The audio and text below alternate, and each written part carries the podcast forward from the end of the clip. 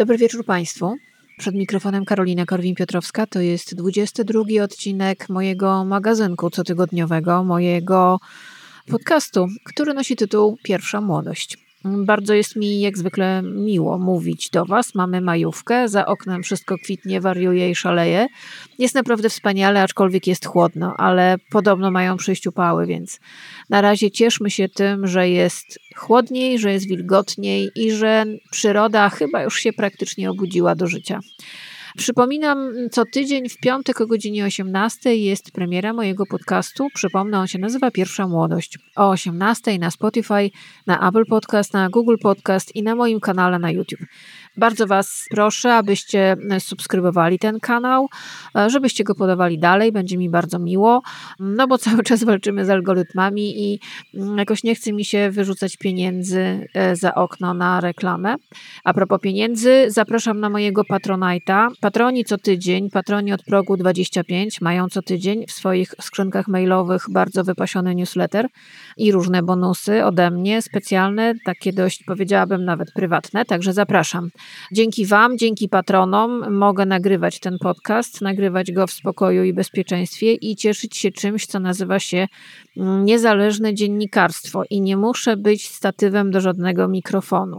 No właśnie, a propos statywów do mikrofonu, które nazywają się, którzy nazywają się e, dziennikarzami, a propos mediów w ogóle, porozmawiamy sobie dzisiaj o oszustwie. Porozmawiamy sobie dzisiaj o kłamstwie i porozmawiamy sobie dzisiaj o sławie i pieniądzach, bo to są rzeczy, które bardzo napędzają dzisiejszy świat, a w ciągu ostatnich tygodni, w Polsce i nie tylko, w ogóle w ciągu ostatnich miesięcy, lat, jak tak się zobaczy tak zwaną szeroko pojętą popkulturę, ale też biznes, bardzo dużo było osób i jest nadal osób, które no, budują swoją pozycję niekoniecznie w oparciu o jakiekolwiek zdolności. Można mieć słuszne przypuszczenia co do tego, że te osoby chcą być tylko sławne albo aż sławne. Myślę, że sława to ogromny narkotyk dzisiejszych czasów. Narkotyk absolutnie legalny, tak jak alkohol, bo alkohol, pamiętajmy, też jest narkotykiem, ale szalenie też uzależnia, daje zarobić pieniądze, daje daje splendor i buduje się ją na różne sposoby. I postanowiłam dzisiaj opowiedzieć Wam trochę o tym, bo rzeczywiście w przestrzeni pojawiło się kilka filmów, seriali, historii o tym, jak to spryciarze oszukali swoich fanów, swoją rodzinę, swoich bliskich, swoich przyjaciół. No to proszę Państwa, zaczynamy. Main thing is to have the money. I've been rich and I've been poor. Believe me, rich is better. No właśnie, rich is better, czyli bogactwo jest lepsze. Fragment klasycznego kryminału z 1953 roku w reżyserii Fritza Langa. Jak dzisiaj można zostać influencerem, osobą znaną, gwiazdą, zapraszaną na ścianki i czerwone dywany? To jest bardzo proste. Obserwujemy to dokoła, także w polskich mediach. Zakładamy konto w medium społecznościowym, najlepiej na Instagramie, bo to jest to miejsce, gdzie najwięcej jest tego blichtru i tego bling bling. Zakładamy to konto. Potem kupujemy sobie followersów, kupujemy sobie boty. Y, ceny są bardzo, powiedziałabym, przystępne. Jeśli masz kilkaset dolarów, no to masz y, nawet kilka tysięcy followersów. Jeśli masz nawet kilka tysięcy mm, dolarów do wydania, no to możesz iść w miliony followersów. A to w sumie nie jest tak dużo, bo jeżeli chcesz się stać pełnoprawnym influencerem, zarabiać na tym pieniądze, no to e, firmy niestety są tak durne, że patrzą na zasięgi, patrzą na ilość follow. W pierwszym rzucie, że tak powiem, to się bardzo ładnie przekłada, bo inwestujesz w zakup botów, w zakup fałszywych oczywiście followersów, którzy nawet piszą komentarze, ponieważ jak dostajesz propozycję, wiem co mówię, bo ja dostaję średnio raz w tygodniu propozycję, żeby kupić sobie, dokupić sobie followersów, no to jest tam zawsze taka opcja, że ci followersi, oczywiście fejkowi, nieprawdziwi, ci ludzie nie istnieją, ale mogą pisać komentarze. To jest bardzo proste. No więc to wszystko można sobie kupić, więc już mamy jakąś tam bazę, prawda? Nie musimy mieć wcale samochodów, ani willi, ani różnych rzeczy, ponieważ to wszystko można wypożyczyć. Można wykupić elegancką willę z basenem, można wykupić Lamborghini, Ferrari, Maybacha, wszystko można wynająć. No i można też wynająć ubrania, sukienki, torebki, buty. Można też oczywiście w barterze poprosić kogoś, żeby mnie umalował, uczesał i ubrał, no to wtedy idę na ściankę po prostu za 0 0 złotych albo za 0 dolarów. Żeby się dostać na imprezę, na której zrobią mi zdjęcie, wystarczy, że pokażę moje konto na Instagramie z ogromną ilością followersów. Idę zakład, że bramkarze stojący na takich imprezach nie są zbyt mądrzy i nie ogarniają internetu, więc jak zobaczą dużo cyferek, to pomyślą sobie, wow, co za gwiazda. No i to jest bardzo proste. Jeżeli masz trochę wolnej kasy, to oczywiście jeszcze możesz wynająć kogoś, kto jest tak zwanym PR-owcem, bez względu na to, kim ta osoba jest w rzeczywistości, oficjalnie funkcjonuje jako PR-owiec, a jeżeli do tego jeszcze ten tak zwany PR-owiec ma w kieszeni paru dziennikarzy z tak zwanych debilomediów, no to sprawa kręci się sama, no bo oczywiście ci dziennikarze zwani, znaczy ci ci te statywy do mikrofonów, bardziej powiedzmy, mm, nazywające siebie dziennikarzami, zrobią po, wszystko, po prostu wszystko dla hajsu. Tu się przyda trochę pieniędzy, tu się też przyda trochę pieniędzy na prezenty. No słuchajcie, ile, ile afer w Polsce na przykład zamieciono pod dywan tylko dlatego, że paru spryciarzy i parę sprytnych pań mm, miało w kieszeni paru dziennikarzy, którzy po prostu nie, za, nie, nie, nie opublikowali pewnych informacji. Wszystko jest do kupienia. Sława jest do kupienia, proszę Państwa. Można dzięki tej sławie zarobić oczywiście bardzo dużo dużo pieniędzy. Nie trzeba mieć do tego specjalnego talentu, nawet urody nie trzeba mieć, bo przy dzisiejszych osiągnięciach chirurgii estetycznej naprawdę można sobie zrobić zupełnie nową twarz. Dorzućmy do tego filtry na Instagramie. No i jest whole package, że tak powiem. Jesteśmy kobietą, jesteśmy mężczyzną, którzy po prostu stają na ściance, pieprzą kocopały od prawa do lewa, po prostu ręce opadają. Myśli w tym nie ma żadnej, logiki w tym nie ma żadnej, ale ząbki są białe, twarz wygładzona i oko na Maroko jedno, a drugie oczywiście na Kaukaz. Włosy zrobione, sylwetka jak trzeba, oko nietknięte żadną głębszą myślą, gdzieś tam te dwie synapsy w mózgu próbują się ze sobą zetknąć, nie za bardzo to wychodzi, ale nie o to, się, nie o to tutaj chodzi. Bo o co chodzi? Chodzi o zrobienie szumu wokół siebie.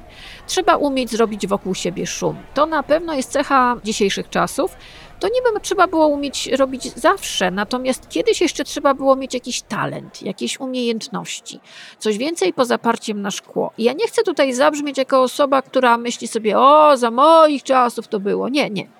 Zawsze generalnie, żeby zostać sławnym, trzeba było mocno się nakręcić, trzeba się było mocno narobić, nachetać, napocić, zawsze. Tylko teraz rzeczywiście wystarczą do tego li tylko pieniądze albo aż tylko pieniądze. Tylko pytanie, na ile ta sława oczywiście nam wystarczy, ale to nie o tym jest program.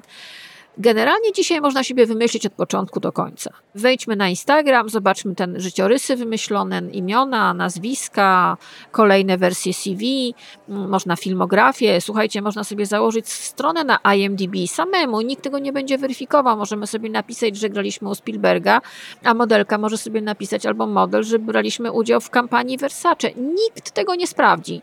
Z bardzo prostego powodu media to debile w dzisiejszych czasach. Niestety dzisiaj nikt niczego nie weryfikuje. I to nie chodzi o to, że w Polsce się nie weryfikuje. Ja mam przed Wami kilka przykładów tego, że na świecie też nikt niczego do pewnego momentu nie weryfikował. Jesteście gotowi? Bo będzie bardzo smutno dzisiaj, będzie bardzo ostro i będzie bardzo brutalnie, bo ja też nie będę mm, gryzła się w język, bo już mi się nie chce. Za stara jestem i za mądra, żeby iść na różne układy za przeproszeniem z belekim, ale już ustaliliśmy w tym podcaście, że jestem klasistką. No dobra, ruszamy.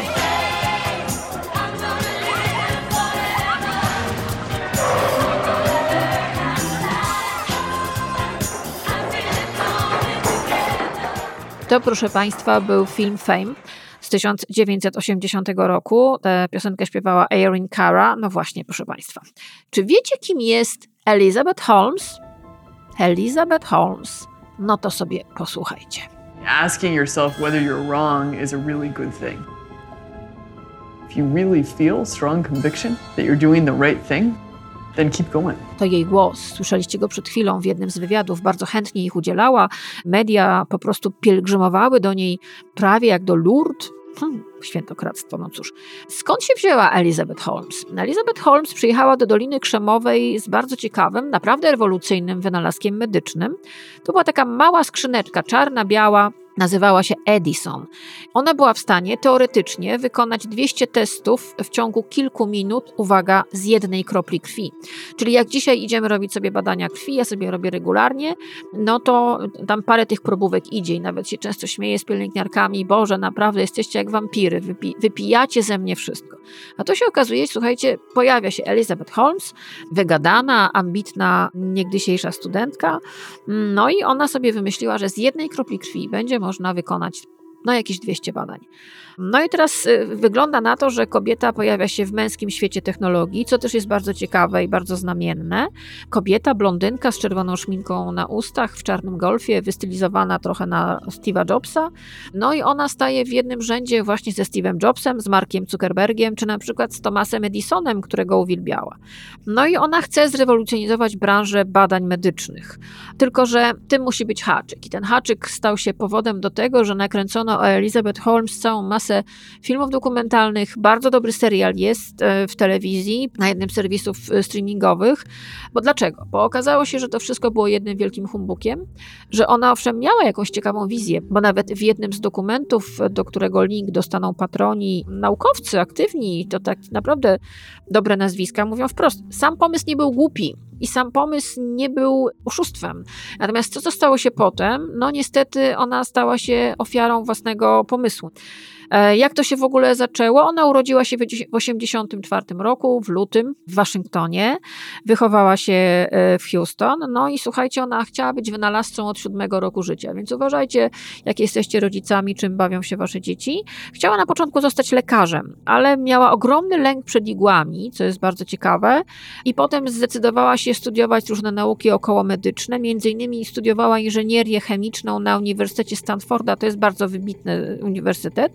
No i była bardzo dobrą studentką tam, wręcz wyróżniającą się, ale porzuciła edukację na Stanford University i założyła firmę. Ta firma nazywała się Terranos. No i Terranos rzeczywiście stał się trampoliną do jej sukcesu globalnego, ale także no, gwoździem do jej trumny, bo ona 10 lat pracowała nad metodą bezbolesnego pobierania krwi, robienia szybkiego robienia analiz o dużej ilości badań. No ale słuchajcie, tak naprawdę te 10 lat zakończyło się dość e, e, brutalnie, proszę Państwa. Zanim posłuchacie jeszcze fragmentu zwiastuna, to sobie wyobraźcie, że od 2003 roku wartość firmy Terranos, której właścicielką była Elizabeth Holmes, rosła, rosła, rosła.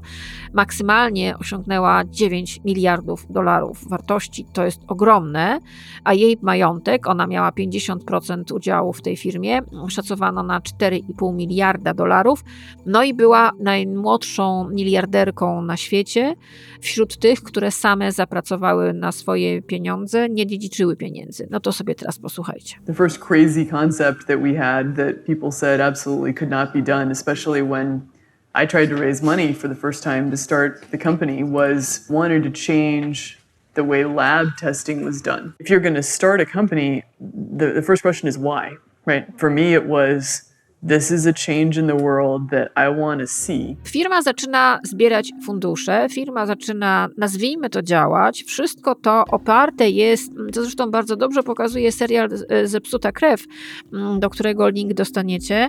To zaczyna wyglądać fajnie, tak? Ludzie myślą sobie, Boże, ona uratuje tyle osób. Bazuje tutaj też na takiej, na bardzo ważnej rzeczy, mianowicie ona podkreślała to, że jest kobietą, podkreślała to, że jest kobietą w męskim świecie. No, była też kobietą niesłychanie ambitną My ją oglądamy na zdjęciach, e, zresztą słuchaliście na początku jej głosu, taki dość nienaturalnie obniżony. Ona w pewnym momencie po prostu wymyśliła sobie siebie na nowo w jakimś sensie.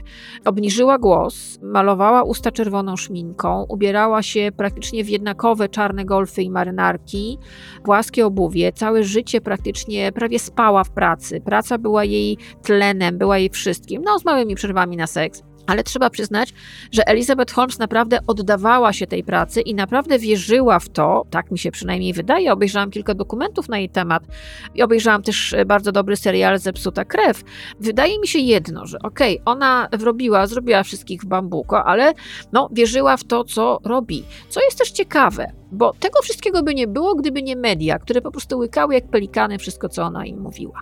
Mieli kobietę, blondynkę, ładną, atrakcyjną, która bardzo szybko zbudowała wokół siebie dobrą atmosferę, zespół ludzi, nie miała problemu ze zbieraniem funduszy na swoje badania, co robią największe pisma branżowe, nie plotkarskie w Stanach. Idą do niej po prostu na kolana. Robią z nią wywiady, robią z nią sesje. Zapraszana jest na różne konferencje. Nikt nie zadaje żadnego niewygodnego pytania. Naprawdę. Przez długi czas Elizabeth Holmes nie słyszała żadnego niewygodnego pytania. This is an inspiring, an inspiring step forward. This isn't just my job. This is who I am. Anybody who doubts my company doubts me. You're CEO of a billion dollar company. What are you afraid of? Her whole image is fake. We have to stop her. We haven't seen a single contract. She is lying to you. You're in over your head. You're going to lose everything. No, I'm, I'm fine. Everything's fine. You don't understand the business. And You don't understand the science! Your company was endangering lives. This is your dream, your story. People will trust the technology because they will trust you. No i słuchajcie, ona założyła jako kobieta w świecie big techów firmę farmaceutyczną. Rzeczywiście można mówić, że faceci mogli mieć coś do tego, żeby ją uwalić. Mało tego, pojawiły się też teorie takie, że no, branży farmaceutycznej nie zależało na tym, żeby nagle ktoś zabrał im ogromną część zysków, no bo oni też zarabiają na tej ogromnej ilości badań i liczą sobie od każdego oddzielnie. A tutaj nagle okazało się, że dzięki owej skrzyneczce słynnej, do której wsadzało się fiolkę z krwią, zresztą w filmie serialu Zepsuta krew to jest pokazane i to robi dość takie, powiedziałabym, naprawdę bajkowe, futurystyczne wrażenie, że rzeczywiście z małej jednej fioleczki można będzie zrobić całą masę badań, do których no, po, pobierają nam tej krwi na wiadra, za przeproszeniem. I to rzeczywiście robiło świetne wrażenie do tego. Ona była bardzo charyzmatyczna. Widać było, że naprawdę wierzy w to, co robi. No, jak każdy, przepraszam, wrażenie trochę psychopata i kłamca, bo ona w pewnym momencie, co zresztą jak się ogląda dokumenty na jej temat i jak ogląda się serial Zepsuta krew, to widać, że ona w pewnym momencie do niej gdzieś tam zaczęło docierać, że to nie wyjdzie, znaczy to się nie uda. No ale słuchajcie, okazuje się, że sprawa była bardzo poważna. Utopiono w tym wszystkim całą masę pieniędzy. W 2016 roku, słuchajcie, jej spółka, która była, tak jak już mówiłam, warta 9 miliardów dolarów, no to w 2016 była wyceniana na 0 dolarów. No później Elizabeth Holmes dostała zakaz e, badań krwi, a wobec całej spółki wszczęto postępowania wyjaśniające. No i słuchajcie, musiała wygasić działalność. W 2018 roku została oskarżona razem ze wspólnikiem przez Komisję do Spraw Papierów Wartościowych o pozyskanie środków od inwestorów za pomocą, uwaga, wyrafinowanego, wieloletniego oszustwa, brzmi znajomo.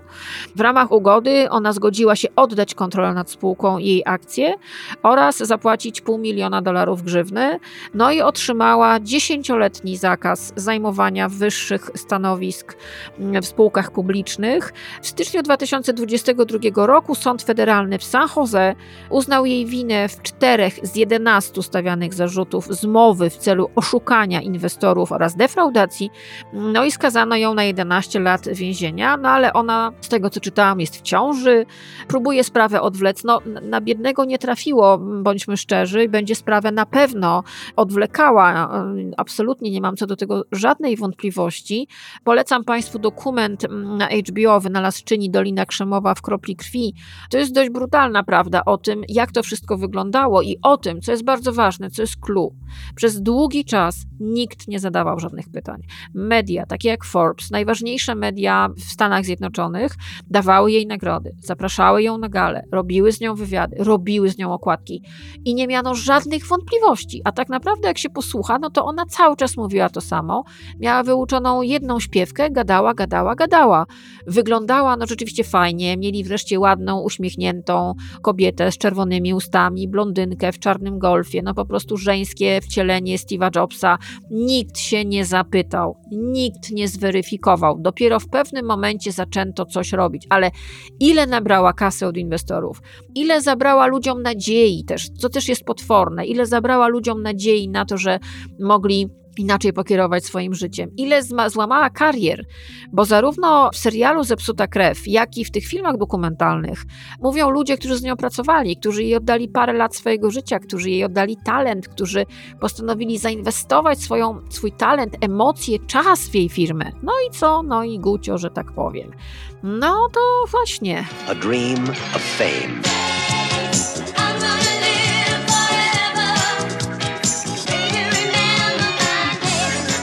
Fame. It's the dream of instant success. A wiecie, moi drodzy, kim jest Anna Sorokin? A może na przykład Anna Delvey? No to posłuchajcie. I don't care what you think of me. I don't need your approval. I don't need to impress you. There's no nice way to say it, but the petite 30-year-old Anna is a big con, whose dubious claim to fame has been her ability to dupe the rich and famous of Manhattan and not give a damn. I have no patience for people's stupidity. Do you feel bad about some of the people that got burnt along the way? Can you name me the names of the people? And I'll tell you if I feel bad about them. No, proszę Państwa, to jest y, fragment wywiadu z Anną Sorokin, który ukazał się w programie 60 Minutes Australia. Fragment wywiadu z nią. No, proszę Państwa, Anna Sorokin to jest kobieta, która mogłaby sobie podać rękę z bardzo wieloma e, celebrytami na świecie i w Polsce, która wywołała skandal potężny. Aczkolwiek nie ukrywam, kiedy oglądałam serial Inventing Anna, który jest na Netflixie i dostaniecie do niego link, to miałam takie wrażenie, wrażenie, że kurczę, naprawdę dali się złapać? Kurczę, dziewczyna po prostu była cwana i dziewczyna od dziecka, wycinając zdjęcia gwiazd z gazet i wklejając je do ulubionego zeszytu, marzyła o tym, żeby być gwiazdą. Marzyła, marzyła, aż sobie wymarzyła, słuchajcie. Anna Sorokin jest znana oczywiście jako Anna Delvey, jest rosyjską oszustką. Ona wyłodziła, tyle jej udowodniono, 200 tysięcy dolarów. Wokół tego była cała historia, bo to była kobieta, to jest kobieta, już w tej chwili kobieta zaczęła jako młoda dziewczyna, ona się podawała przede wszystkim, nie była taką, wiecie, dziewczyną, która uosabiała mit od pucybuta do milionera, chyba nikt już przy zdrowych zmysłach w to nie wierzy. Ona po prostu weszła w socjetę amerykańską, wyglądając, zachowując się, mówiąc, jak taka kobieta, która odziedziczyła swoje pieniądze. To jest coś takiego, o czym się mówi teraz bardzo często w kontekście serialu Sukcesja, gdzie nagle wszyscy w czwartym sezonie odkryli, że oni, wszyscy ci bohaterowie tego serialu, mają na sobie tak zwane quiet luxury, czyli wbrew pozorom, powiedzcie to polskim celebrytkom, obrędowanym od stóp do głów, jak się jest bardzo bogatym i te pieniądze są w rodzinie od pokoleń, to się nie epatuje na przykład paskiem konkretnej firmy. Wiecie o jakim pasku mówię nie patuje się torbami z konkretnym logo. Nie, właśnie nie masz żadnego logo. Nie widać, kto uszył twoje ubranie, ale na mile widać, że jest drogie, bo to jest kaszmir, wełna, to jest świetnie uszyte, bla, bla, bla.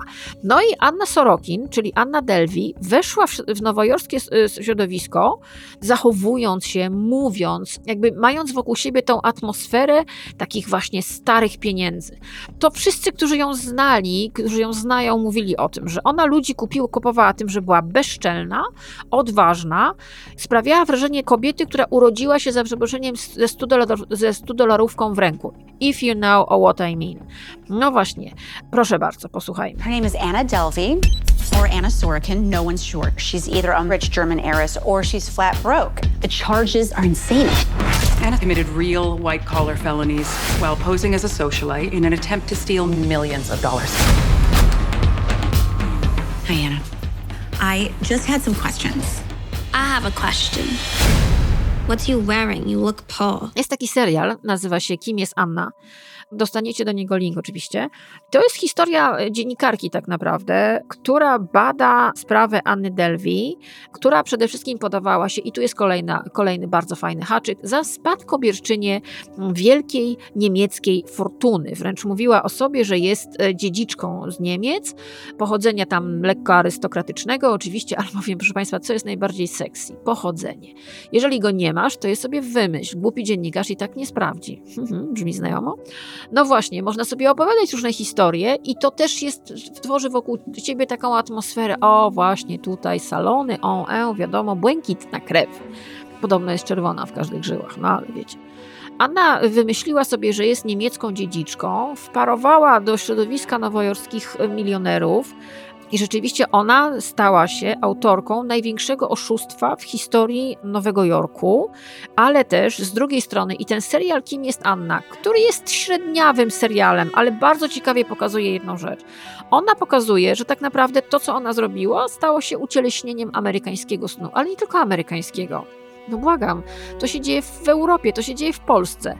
To są te dziewczynki, to są ci chłopcy prawie znikąd, którzy wymyślają siebie na nowo, wypożyczają samochody, domy, jak trzeba, to nawet dyplomy wyższych uczelni, wymyślają sobie życie od początku do końca i robią szum, robią hałas. Do tego jeszcze Anna Devley miała już Instagrama, co też jest bardzo ważne. W jednym z dokumentów, które oglądałam o niej, kobieta podająca się w pewnym momencie za jej przyjaciółkę mówi wprost, no ja widziałam jej Instagrama, widziałam, że ona ma tam dużo followersów, ma fajne zdjęcia z podróży, pomyślałam sobie, ma takie ciekawe życie, stać ją na fajne zakupy. Serio, naprawdę. Stać ją na zakupy, czyli jest bardzo fajna. Wow, wow, wow. Wracam do serialu Kim jest Anna, który jest opowieścią o dziennikarce tak naprawdę, która postanawia iść tropem Anny. I to jest bardzo ciekawa opowieść. W tej dzienni- w roli dziennikarki występuje Anna Klumski, a w roli Anny Develey, czyli Anny Sorokin, występuje Julia Garner. Jest bardzo dobra. Zresztą Julia Garner miała okazję spotkać się z Anną Sorokin i mówiła, że ona sprawiała wrażenie bardzo delikatnej, wręcz subtelnej i największy problem, biorę to w cudzysłów, dla Julie Garner było wymyślenie czy odtworzenie tego e, akcentu, ponieważ no to musiał być akcent z, z Europy Wschodniej, łamany przez brytyjski angielski, ale jednak w Nowym Jorku, ponieważ angielski, jakiego uczyła się Anna w dzieciństwie, był brytyjskim angielskim. Cała to jest oczywiście piramida, ale bardzo sama Anna Sorokin była zadowolona z tego, co Julia Garner pokazała na ekranie.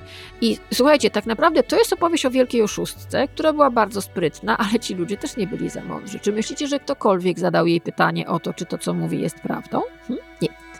Czy myślicie, że ktokolwiek podważył w jakimkolwiek momencie to, że ona nagle potrzebuje pieniędzy, że już pieniądze od ojca idą, że ojciec jest niedobrym tatusiem i ona teraz po prostu czeka na przelew od tatunia? Czy myślicie, że ktoś w ogóle sprawdził, czy taka osoba jak ona, czy jest taka rodzina mm, w Niemczech, bo ona się podawała za e, członkinię pewnej rodziny, no to myślicie, że ktoś w ogóle wziął, wszedł w Google na przykład? Nikt. Ja już nie mówię, żeby czytał książki. Ja naprawdę nie wymagam zbyt wiele. Ja nie mówię, żeby brać herbarze do ręki. Ja nie mówię, żeby brać niemieckie gazety do ręki, no bo można nie znać niemieckiego. Ale słuchajcie, jest takie narzędzie jak Google.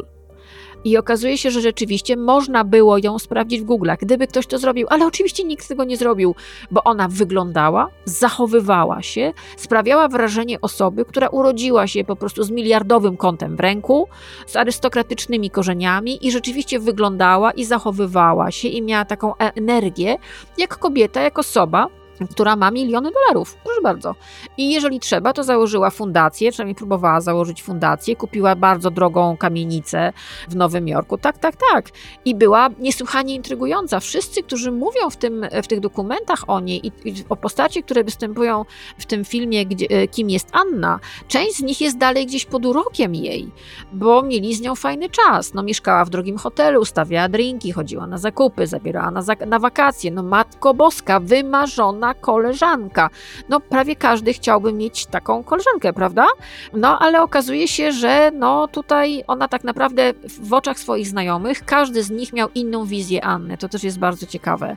Kim jest Anna Sorokin teraz, co się z nią dzieje? Bo to jest też bardzo ciekawa historia, bo nie wiem, e, czy wiecie, ale ona ma wystąpić w swoim własnym reality show, który będzie nosił tytuł, tutaj sobie czytam, Delvey's Dinner Club. I to ma być cała seria i ona będzie opowiadała o swoim życiu przy kolacji e, z różnymi gośćmi w jej mieszkaniu, ponieważ ona ma areszt domowy, nie może wyjechać, więc siedzi w domu. I teraz kto będzie z nią przy tym stole siedział? Tutaj czytam z materiałów producenta, wyselekcjonowana przez nią grupa aktorów, muzyków, biznesmenów, hmm, mało jej, działaczy społecznych, dziennikarzy i innych cenionych osób, które będą co tydzień spotykać się z nią przy zastawionym stole i prowadzić szczere rozmowy. Wszystkie tematy będą rozwolone, łącznie łącznie z więziennymi doświadczeniami Anny, jej strategią odbudowy wizerunku i planami na przyszłość. Słuchajcie, no ona chciała znal zaprosić do siebie Madonnę, hm, Ilona Maska, to by się dogadali, Marinę Abramowicz, słuchajcie, powiem tak, bardzo ciekawe postacie. Serial Shonda Rhimes, kim jest Anna, powstał na podstawie artykułu e, z New York Magazine, no i tam powiedziano tę historię historię z punktu widzenia osób, które Anna Devley oszukała, bo ona rzeczywiście oszukała tych ludzi, wyłudziła te pieniądze, zainwestowała je gdzieś tam. Słuchajcie, to w ogóle to jest opowieść, którą warto obejrzeć, żeby zobaczyć, czy te mechanizmy są absolutnie uniwersalne i że to nieważne, czy to jest w Stanach, czy w, w Budapeszcie, czy w Warszawie, czy, w, czy gdziekolwiek indziej.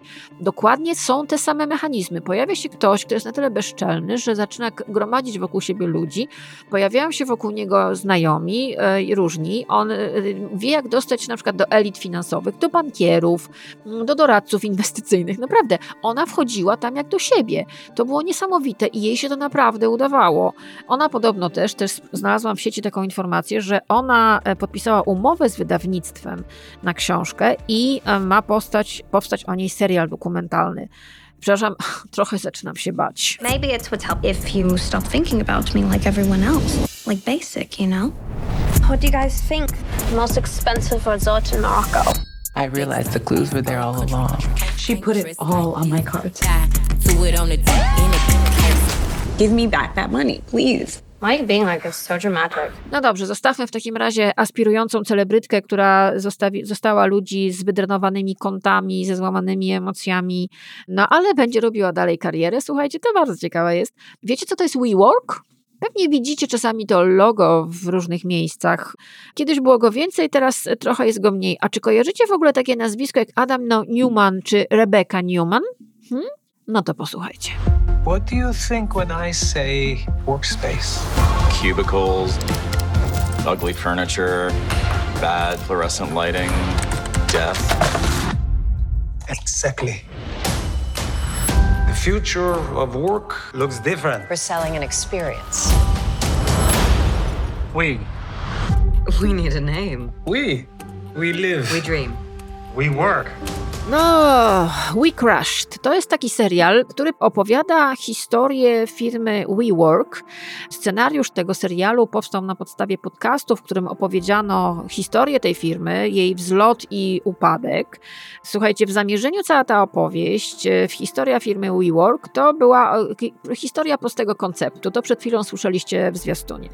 Chodziło o to, żeby e, skończyć ze starymi biurami, ze starą formułą biura, gdzie oczywiście głośno, ciasno, jest okropne światło i nie można się napić alkoholu, i żeby wymyśleć ludziom przestrzeń, w której oni będą mogli po prostu pracować w spokoju, żeby mieć tam też strefę odpoczynku, strefę gier, strefę jedzenia, żeby było w ogóle milutko.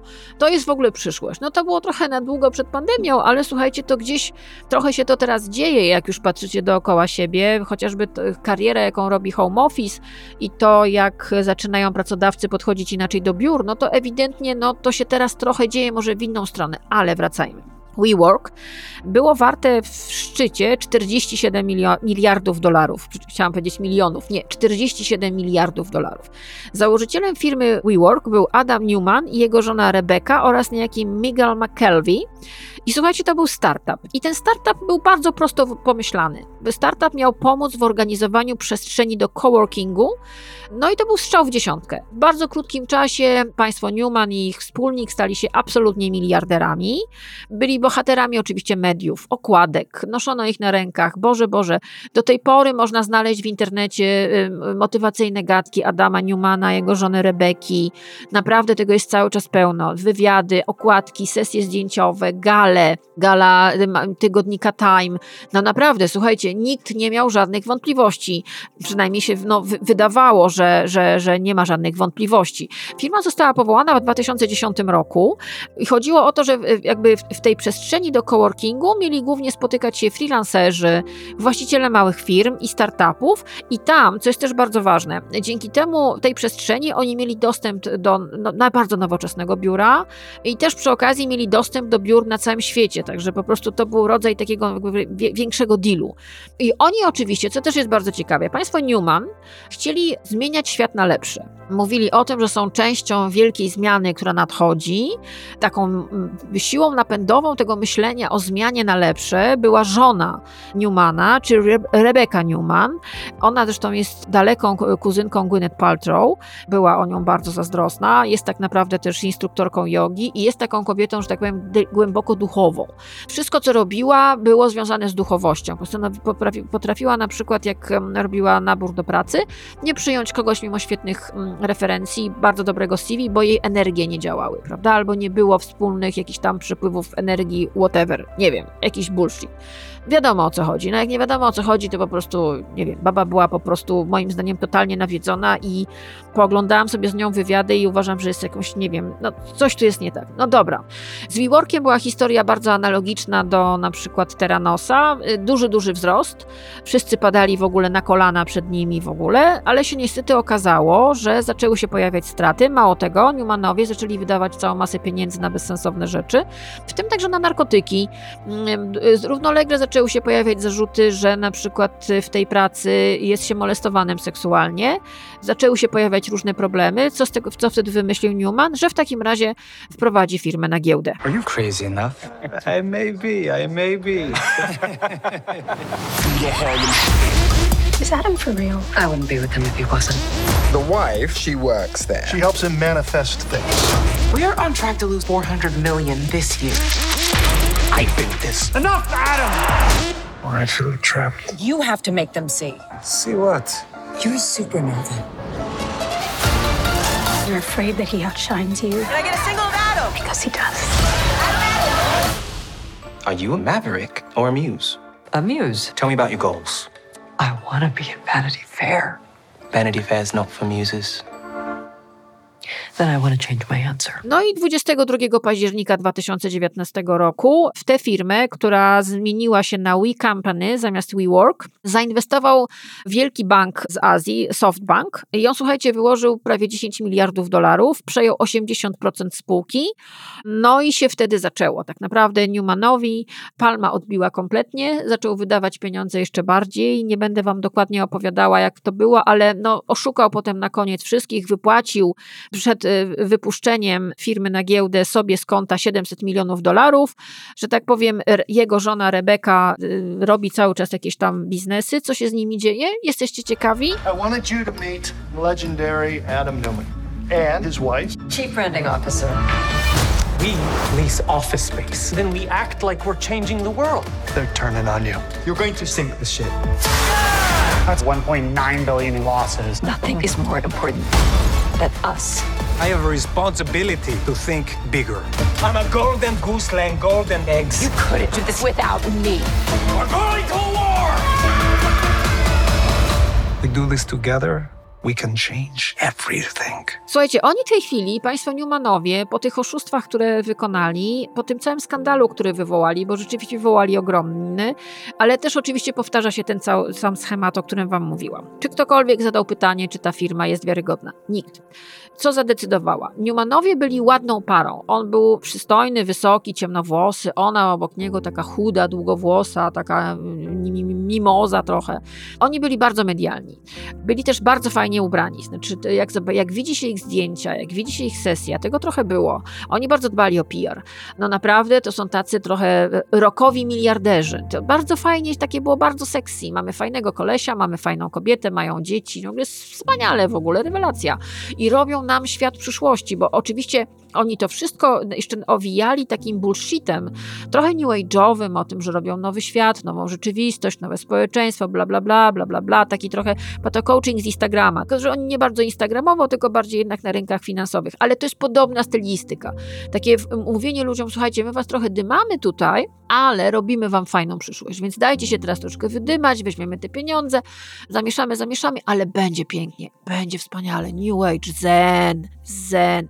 No ta Rebeka naprawdę była totalnie, znaczy jest totalnie pokręcona. I teraz słuchajcie, oni tak naprawdę nie ponieśli żadnych y, y, konsekwencji. Mieszkają teraz w ogromnej rezydencji wartej 90 milionów dolarów. Człowieku spłacający swój kredyt w Polsce, otóż Newmanowie mieszkają mm, w rezydencji wartej 90 milionów dolarów, wychowują sześcioro dzieci i teraz tak, pan Newman pozyskał, i to jest prawda, to sprawdziłam w trzech źródłach, naprawdę, pozyskał 350 milionów dolarów na rozwój zupełnie nowego projektu, który jest oparty na nieruchomościach.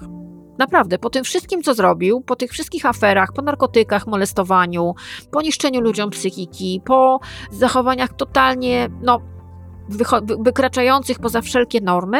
Pan Adam Newman dostał teraz 350 milionów dolarów na zupełnie nowy startup.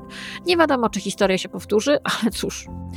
No i proszę Państwa, kończymy powoli e, z WeWorkiem. Tylko na koniec teraz influencerka, która uchodzi za najbardziej znienawidzoną na świecie. Wiecie, że jest taka? Wyjątkowo nie jest z Polski. Jest z Australii. Naprawdę. Posłuchajcie. In August 2013, Belle Gibson launched the Whole Pantry, a book, an app and a website in which she claimed that healthy eating had cured her condition. It was five years ago I was diagnosed with terminal cancer. It's been hard. Belle Gibson was the queen bee of wellness. People worshipped her. I was deeply invested in what she was saying because it was just such an amazing story. This is the story of the rise and fall of one of Instagram's first super influencers. Told by those she influenced. Jest taki film dokumentalny, który jest e, uwolniony, też zresztą jest na YouTubie normalnie, można to, też go na Kanal Plus oglądać. E, nakręciło go BBC. Nosi tytuł Influencerka, wielki przekręt na Instagramie. I to jest opowieść też o dzisiejszych czasach. I to jest opowieść potworna, ponieważ dotyka zdrowia ludzi, dotyka pragnienia człowieka, do, żeby wyzdrowieć. Wyobraźcie sobie, jest taka sytuacja, nie wiem, śledzicie jakieś tam posty na Instagramie, o znowu uderzyłam w mikrofon. Śledzicie jakieś posty na Instagramie to macie jakieś jedzonko, coś tam. Była taka moda dobrych parę lat temu, że to wszystko było takie wystylizowane, że człowiek choćby się naprawdę zesrał, mówię wprost, to by nie zrobił takiego, e, takiej kompozycji z, z jakimś tam musli i bananem i czymś tam. No, ale były, masa była takich przestylizowanych, wręcz nawet głównie śniadaniowych zdjęć. I macie takie piękne zdjęcie, jakieś musli, coś tam, coś tam, do tego macie lekką medytacyjną gadkę, potem na tym koncie macie uśmiechniętą dziewczynę, która z kwiatami w ręku, ogląda zachód słońca, a potem jeszcze wam mówi kolejną medytacyjną gadkę przed snem i mówi tutaj jakieś tam ćwiczenia, jakiś tam stretching, coś tam. O kurde, naprawdę się chciałam rozciągnąć, nieważne. No i to jest piękne, to jest piękne. I jeszcze parę lat temu ludzie naprawdę łykali to jak pelikany. A teraz wyobraźcie sobie, że dziewczyną, która prowadzi to konto, jest młoda, śliczna blondynka o takiej lekko pucułowatej twarzy, nazywa się Belle Gibson, która mm, mówi o tym, że ma nieuleczalnego, e, terminalnego raka mózgu. No i to są jej takie ostatnie chwile, gdzie ona chce je podzielić ze swoimi fanami, a przy okazji, uwaga, uwaga, leczy się z raka jedzeniem, dietą, tak? Tak. Przede wszystkim nie je glutenu, nabiału, mięsa i nie pije alkoholu i jest w stanie pokonać chorobę nieuleczalną bez konieczności odbywania chemioterapii. Czyli ustalmy na starcie. Mamy rok 2013. Bell Gibson zakłada swojego bloga. I tam e, Bell Gibson twierdzi, że A ma nieuleczalnego raka mózgu, ale B leczy go za pomocą diety, C bez chemioterapii. Tada! I teraz słuchajcie, my, my się dzisiaj możemy z tego śmiać, bo jesteśmy bardzo mądrzy, przeczytaliśmy wszystkie mądre książki, tak nam się wydaje. No i wiemy, że jednak, słuchajcie, raka dietą słabe. Tym bardziej, że się teraz trochę śmieję, ale naprawdę mam koleżankę, której babcia przekonała się do praktyk pewnego znachora z Polski i e, zmarła, ponieważ odstawiła po cichu, bez wiedzy rodziców i lekarza leki, zaczęła brać jakieś tam napary i umarła niestety. To są realne problemy, to są realne ofiary mm, właśnie takich domorosłych znachorów. I tutaj mamy 2013 rok, mamy Australię, mamy Bell Gibson, która zakłada Instagrama. I wymyśla też aplikację, która będzie sprzedawana przez Apple, czyli wow, wow która nazywa się The Whole Pantry i nawet potem była książka kucharska pod tym samym tytułem. Wszystko kręci się wokół tego, że Bell Gibson pokonała tego raka i że jest wszystko wspaniale i że jest cudownie i że ona w ogóle dzięki diecie to zrobiła. Słuchajcie, są do dziś wywiady na YouTubie, można je obejrzeć, gdzie dziennikarze bez pytania żadnego w ogóle padają przed nią na kolana i mówią, Boże, jesteś taka cudowna, Boże, wyleczyłaś się z raka dietą bezglutenową. I naprawdę to łykają. Naprawdę to łykają. Nikt nie zadaje pytania, dobra, pokaż kwity, pokaż jakieś świadectwo lekarskie, pokaż jakieś badania, cokolwiek, badanie krwi. Kurczę, to jest raczej niemożliwe. Jeżeli mówisz, że masz terminalnego raka mózgu i nagle leczysz go dietą, wow. No, sytuacja jest rzeczywiście dość trudna, bo masa kobiet, w tym trzy bohaterki tego filmu BBC, wierzą jej naprawdę wierzą jej i idą za nią, idą razem za nią za biznesem wellnessowym. Mówiłam wam o książce Wellmania, to jest dokładnie to. Znaczy to się robi, z tego się robi biznes. Bell Gibson zaczyna na nich zarabiać bardzo dużo pieniędzy. I had been writing about the wellness phenomenon since 2012, and then I came across Bell Gibson's claims online, and I was just immediately intrigued by them. Because I'd written about the wellness industry and had interviewed a, a, range of cancer specialists, I just was immediately suspicious about her claim about this brain tumour. You just don't live with something like that for five years without having some kind of treatment. Teraz słuchaliśmy przed chwileczką dziennikarza, który rozmawiał z Bell Gibson, umówił się z nią w knajpie, jego żona była chora na raka piersi i on dużo z, jakby zbadał tego rynku wellnessowego, w ogóle był ciekaw. No wiadomo, każdy, kto jest chory, czasem z, obok normalnej farmakoterapii łapie się różnych metod, prawda? Ja sama miałam w domu osobę chorą na nowotwór terminalnie przez dobrych parę lat i wiem, po prostu jak zmarła moja mama, to ja miałam dwie szafki suplementów do wyrzucenia. Ja wiem, że ludzie, kiedy boli, kiedy chorują, kiedy są przerażeni, są w stanie wydać każde pieniądze, w tym wypadku to były moje pieniądze, na jakieś tam humbugi, jakieś w ogóle wizje, jakieś fantomy. I tu jest podobna historia. Ten dziennikarz, ponieważ jego żona chorowała na raka piersi, postanowił spotkać się z Bell Gibson, bo ona wtedy była absolutną gwiazdą. No i spotkał się z nią, słuchajcie. I w trakcie rozmowy, on o tym mówi w tym dokumencie BBC, mówi wprost, ja się zaczęłam jej zadawać pytania i ona była bardzo przekonana do tego, co mówi, ale ja nie byłam przekonany do tego, co ona mówi. Złapał ją na jakichś tam różnych kłamstwach, przeinaczeniach, słuchajcie, i sprawa zaczęła bardzo pączkować, że tak powiem, bo okazało się, że on na szczęście zapytał, że coś jest nie tak. Po tym, jak Bell Gibson została wykreowana przez media, między innymi w Australii, na w ogóle cudotwórczynię, na Jezusa, no w ogóle wiecie, ręce, które leczą, Kaszpirowski, Matko Boska, wszystko w ogóle fantastycznie. Sprzedała książkę, zarobiła dużo pieniędzy, mało tego jeszcze szukała ludzi, bo ona mówiła, że jakąś część zarobków ma przekazać organizacjom charytatywnym. Okazało się, że tego nie przekazała. Słuchajcie, mało tego odkryto między innymi, że ona kilka lat przed założeniem tego profilu na Instagramie i tego, tej opowieści o raku mózgu, ona potem mówiła, że ma przerzuty w ogóle, to jest w ogóle lepszy, lepszy hit. To była bardzo aktywną uczestniczką takiego forum dla ludzi, gdzie pisali sobie ludzie ludzi chorych, gdzie między innymi była aktywna pod postami, gdzie ludzie pisali o zatrzymaniu akcji serca, o chorobach serca, więc generalnie w ogóle peregrynowała temat różnych objawów, różnych chorób. Mało tego, do tego jeszcze dziennikarze, jak już potem sprawa wybuchła, odkryli między innymi, że ona podawała nie taki wiek, jaki miała naprawdę. No, że generalnie laska była wymyślona od początku do końca od początku do końca, słuchajcie. Okazało się, że Apple wyrzuciło ze swojego sklepu jej aplikację, ale co jest bardzo ciekawe, bo to cały czas to, do czego wracam od początku tego podcastu. Te kobiety trzy, które są w tym dokumencie BBC, link dostaniecie, wszystkie były chore. Kobiety gdzieś na granicy, które szukały dla siebie pomocy, które zobaczyły śliczną dziewczynę na Instagramie, która wyleczyła raka dietą bezglutenową. Hello. I one mówią wprost, Uwierzyłyśmy jej, bo stały za nią potężne firmy. Nie czułam potrzeby samodzielnie sprawdzać jej historii. I słuchajcie, to jest klucz. Wszyscy ci oszuści, o których wam mówiłam, mieli te okładki, mieli te wywiady, mieli ten splendor, bo nikt nic nie zweryfikował, bo stały za nimi media, wielkie firmy, tutaj Apple w przypadku Bell Gibson. No jeżeli jakaś aplikacja ląduje w Apple Store, to znaczy, że się nie jest z dupy.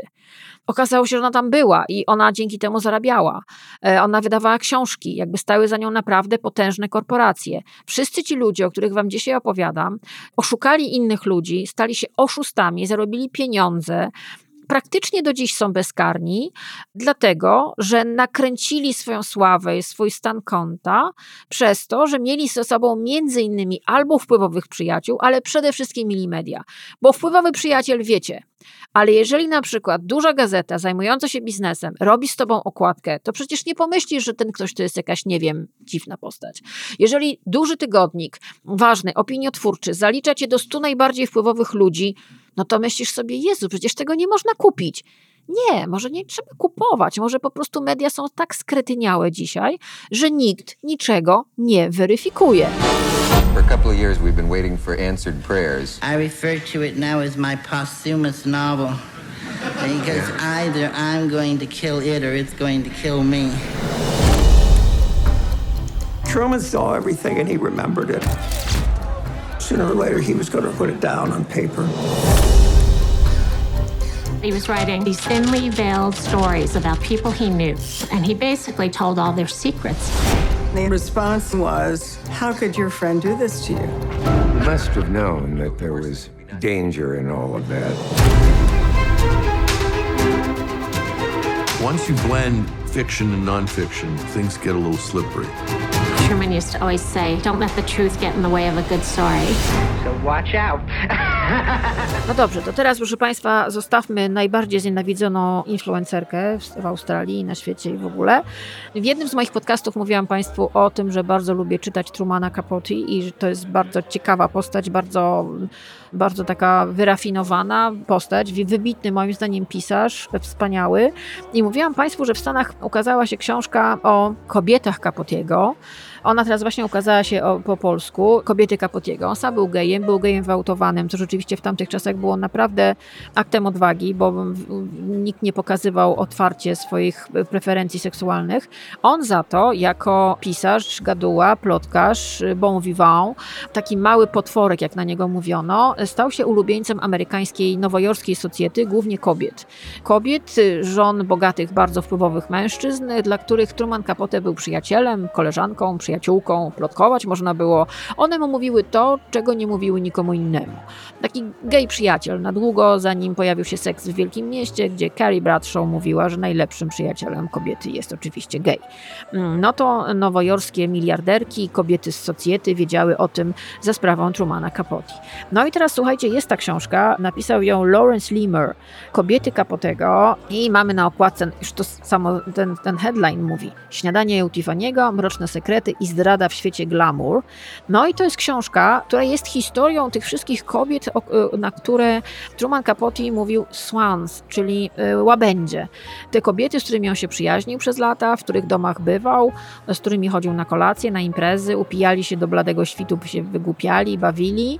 On był ich powiernikiem, a potem je wszystkie zdradził niestety, no bo niestety opublikowano y, bodaj dwa rozdziały książki, w których no, rozjechał je po prostu kompletnie i zdradził ich sekrety. Mm, no i tutaj fragment y, z pierwszego rozdziału chciałam wam przeczytać. Książka nosi tytuł Kobiety Kapotego i to jest taka, wiecie, kiedyś, żeby dostać się do socjety, żeby wejść na tak zwany czerwony dywan, albo żeby wejść na słynny bal, który organizował Truman Capote, to był czarno-biały bal. Zresztą jego imprezy były najlepsze w Nowym Jorku, zanim założono Klub 54. I rzeczywiście ten splendor, żeby tego liznąć, żeby tego dotknąć, to trzeba było być albo miliardelem, ale, ale prawdziwym, nie takim wymyślonym, który ma długi komornika na koncie, albo jakimś wybitnym artystą, albo wybitnym sportowcem, albo na przykład politykiem. No i tutaj tak, czytam.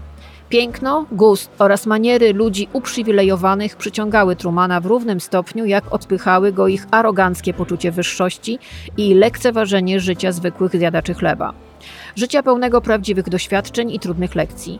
Napięcie między tymi dwoma systemami wartości zainspirowało Trumana do stworzenia swojego nieśmiertelnego dzieła. Kluczowe miało okazać się przywołanie świata łabędzic, który dałoby się streścić w jednym słowie – przepych. Każda z tych kobiet znała potęgę pieniędzy, wiedziały, co mogą za nie kupić i jak wiele bogactwo może im wynagrodzić. Niemniej jednak, wbrew temu, co sugerowali ich zjadliwi przeciwnicy, nie zawdzięczały swojego czaru wyłącznie majątkowi. Możliwe, że nieprzemijający łabędź sunie po wodach skroplonej mamony – to jednak nie uzasadnia samej istoty. Napisał Truman w swoim eseju, który ukazał się w Harper's Bazaar w październiku 1959 roku. To prawda, że jego łabędzice były zamożne. Miał jednak znacznie więcej do zaoferowania. To może ja powtórzę to zdanie. To prawda, że jego łabędzice były zamożne. Miał jednak znacznie więcej do zaoferowania. Dla Trumana każda łabędzica była ucieleśnieniem ekskluzywnego blichtru w powojennym świecie. Każda reprezentowała zbiór wyjątkowych cech. Niebywała uroda oraz elegancki styl sprawiały, że oglądali się za nimi zarówno mężczyźni, jak i kobiety. Czegoś takiego nie można było kupić. To może jeszcze powtórzę. Czegoś takiego nie można było kupić. A gdyby liczył się tylko koszt, pokaźna populacja w rubli, Wkrótce przerodziłaby się w łabędzie, napisał Truman. Dostrzegał prawdziwe oblicza łabędzic, skryte za fasadą ze złota, srebra i klejnotów. Historia każdej z tych kobiet była niezwykła, a jedynie on mógł opowiedzieć je światu.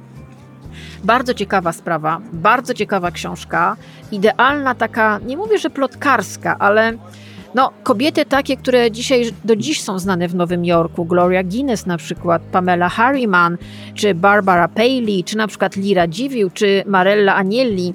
No, one są, o, znowu uderzyłam w mikrofon, one są bohaterkami tej książki i uwaga, będą bohaterami serialu, słuchajcie, Feud, Feud 2.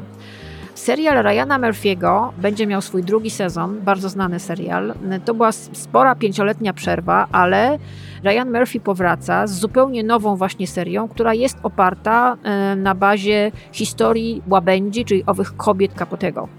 I to jest opowieść o tym konflikcie, który w wyniku wybuchł pomiędzy pisarzem i owymi łabędziami z nowojorskiej Society, czyli między innymi Anne Woodward, Bay Paley, C.J. Guest, Glorią Guinness czy Slim Keith. I występują w tym serialu, y, którego premiera będzie prawdopodobnie jesienią tego roku, naprawdę wielkie nazwiska, bo między innymi Naomi Watts, Kalista Flockhart, Chloe Sevigny, Demi Moore, Diane Lane i Marilyn Gould. Tom Hollander zagra Trumana Capote. Oprócz tego w tym serialu wystąpią Chris Chalk i e, Ella Beatty. No naprawdę, reżyserować będzie Gus Van Sant, czyli to się naprawdę zapowiada bardzo ciekawie. Radzę Wam przeczytać książkę Kobiety Capotiego, zanim wejdzie ten serial, żeby wiedzieć o co tutaj chodzi. Ale żeby też wiedzieć o tym, że kiedyś, żeby być gwiazdą, żeby być gwiazdą socjety, żeby coś znaczyć, nie wystarczyło mieć tylko pełnego y, portfela czy narzeczonego miliardera. Tutaj trzeba było mieć coś więcej. Zdecydowanie. Na przykład chociażby w Super Gust. Truman Capote bardzo lubił pięknie ubrane kobiety i rzeczywiście te wszystkie gwiazdy, te wszystkie łabędzie, o których tutaj mówię, były fenomenalnie ubrane, miały ogromny smak, gust, klasę.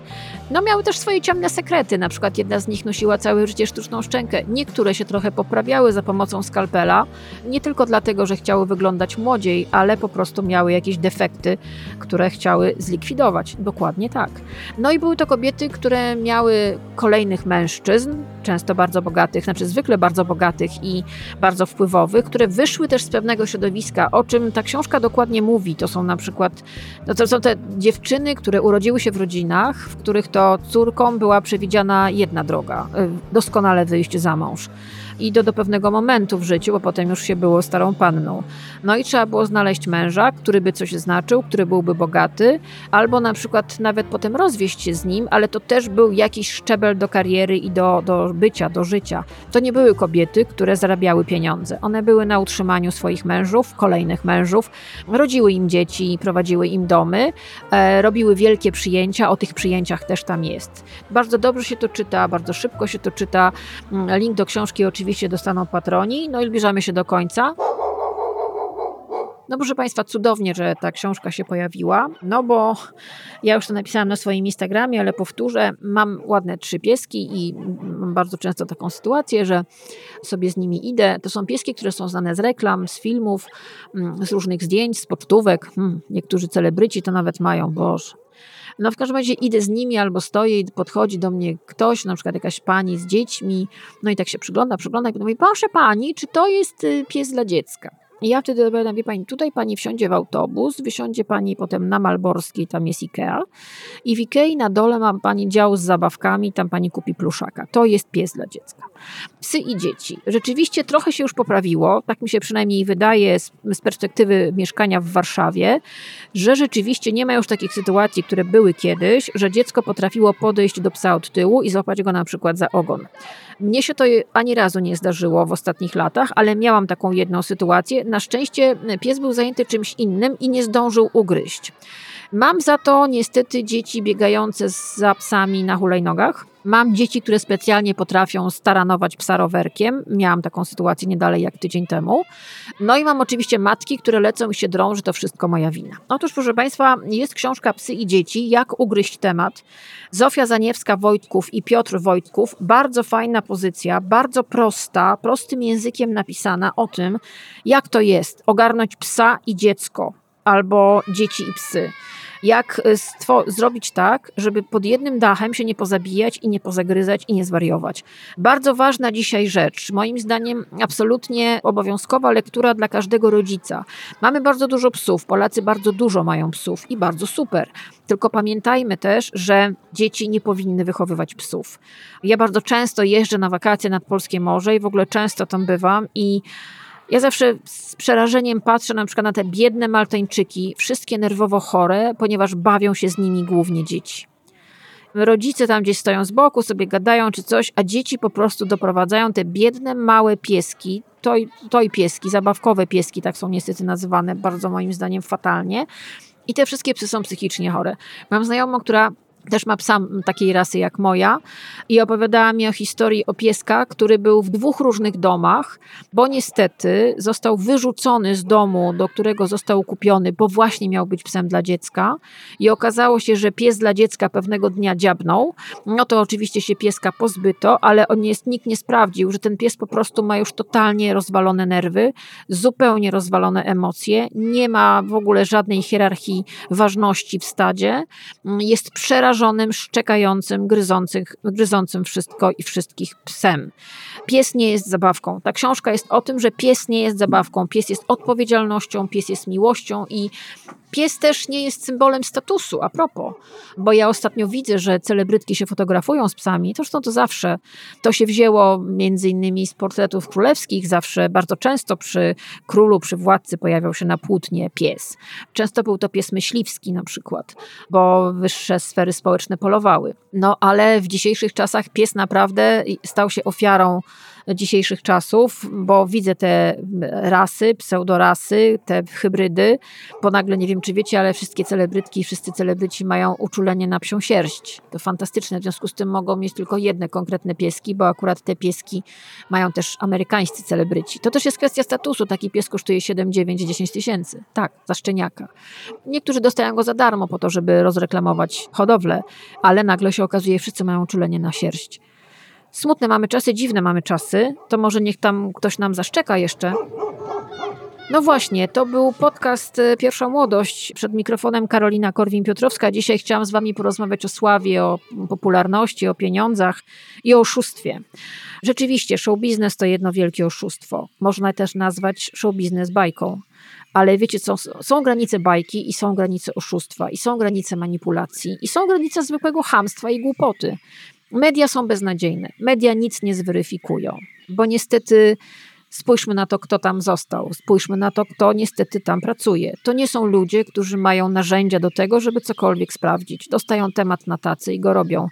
I to nie tylko w Polsce, to jest też na świecie. Takich historii, jakie mamy e, z warszawskiego, z polskiego podwórka, jest wszędzie pełno.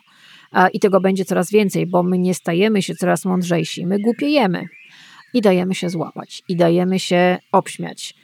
To był podcast Pierwsza Młodość, który przygotowała i prowadziła Karolina Korwin-Piotrowska. Premiera podcastu zawsze w piątek o godzinie 18 na Apple Podcast, na Google Podcast, na Spotify i na moim kanale na YouTube. Bardzo Was zapraszam do subskrybowania moich y, podcastów. Zapraszam też na Patronite. Patroni od progu 25 dostają co tydzień bardzo fajny, wypasiony newsletter. Z dzisiejszego podcastu też będzie z, z ogromną ilością bonusów, ponieważ rzeczywiście poodkrywałam różne dokumenty, książki, pozycje o ludziach, o historiach, o których dzisiaj Wam mówiłam. Może Wam się to przyda. Wiem, że niektórzy bardzo czekają na te newslettery i bardzo mnie to cieszy. Bardzo mnie to też cieszy, bo czytam że wolicie wydać na mnie raz w miesiącu niż na jakąś głupią gazetę. Zważywszy na stan polskich mediów, rzeczywiście może lepiej wydać na mnie. Ach, nie będę skromna, cóż, może stanę się sławna.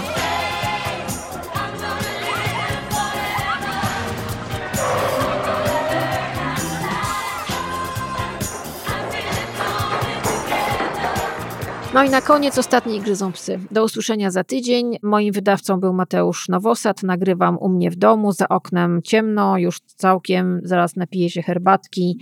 Do usłyszenia za tydzień. Bądźcie zdrowi, żeby wam było ciepło i żebyście się wygrzali, żeby było wam słoneczniej, żebyście odpoczęli. Pamiętajcie, czasami warto zrobić nic.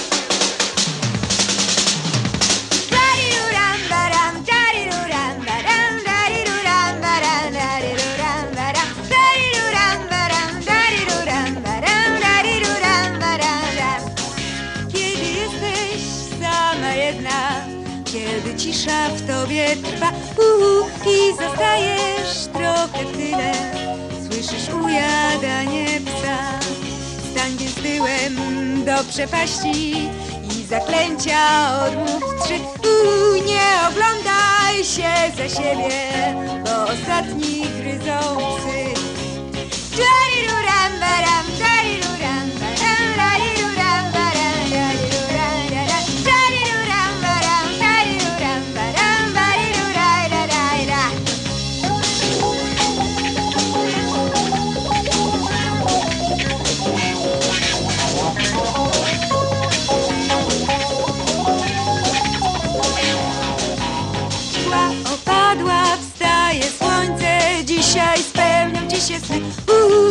oglądaj się za siebie, bo ostatni gryzący. Wykorzystaj swoją szansę, bo ostatni gryzący. Barierą, barora,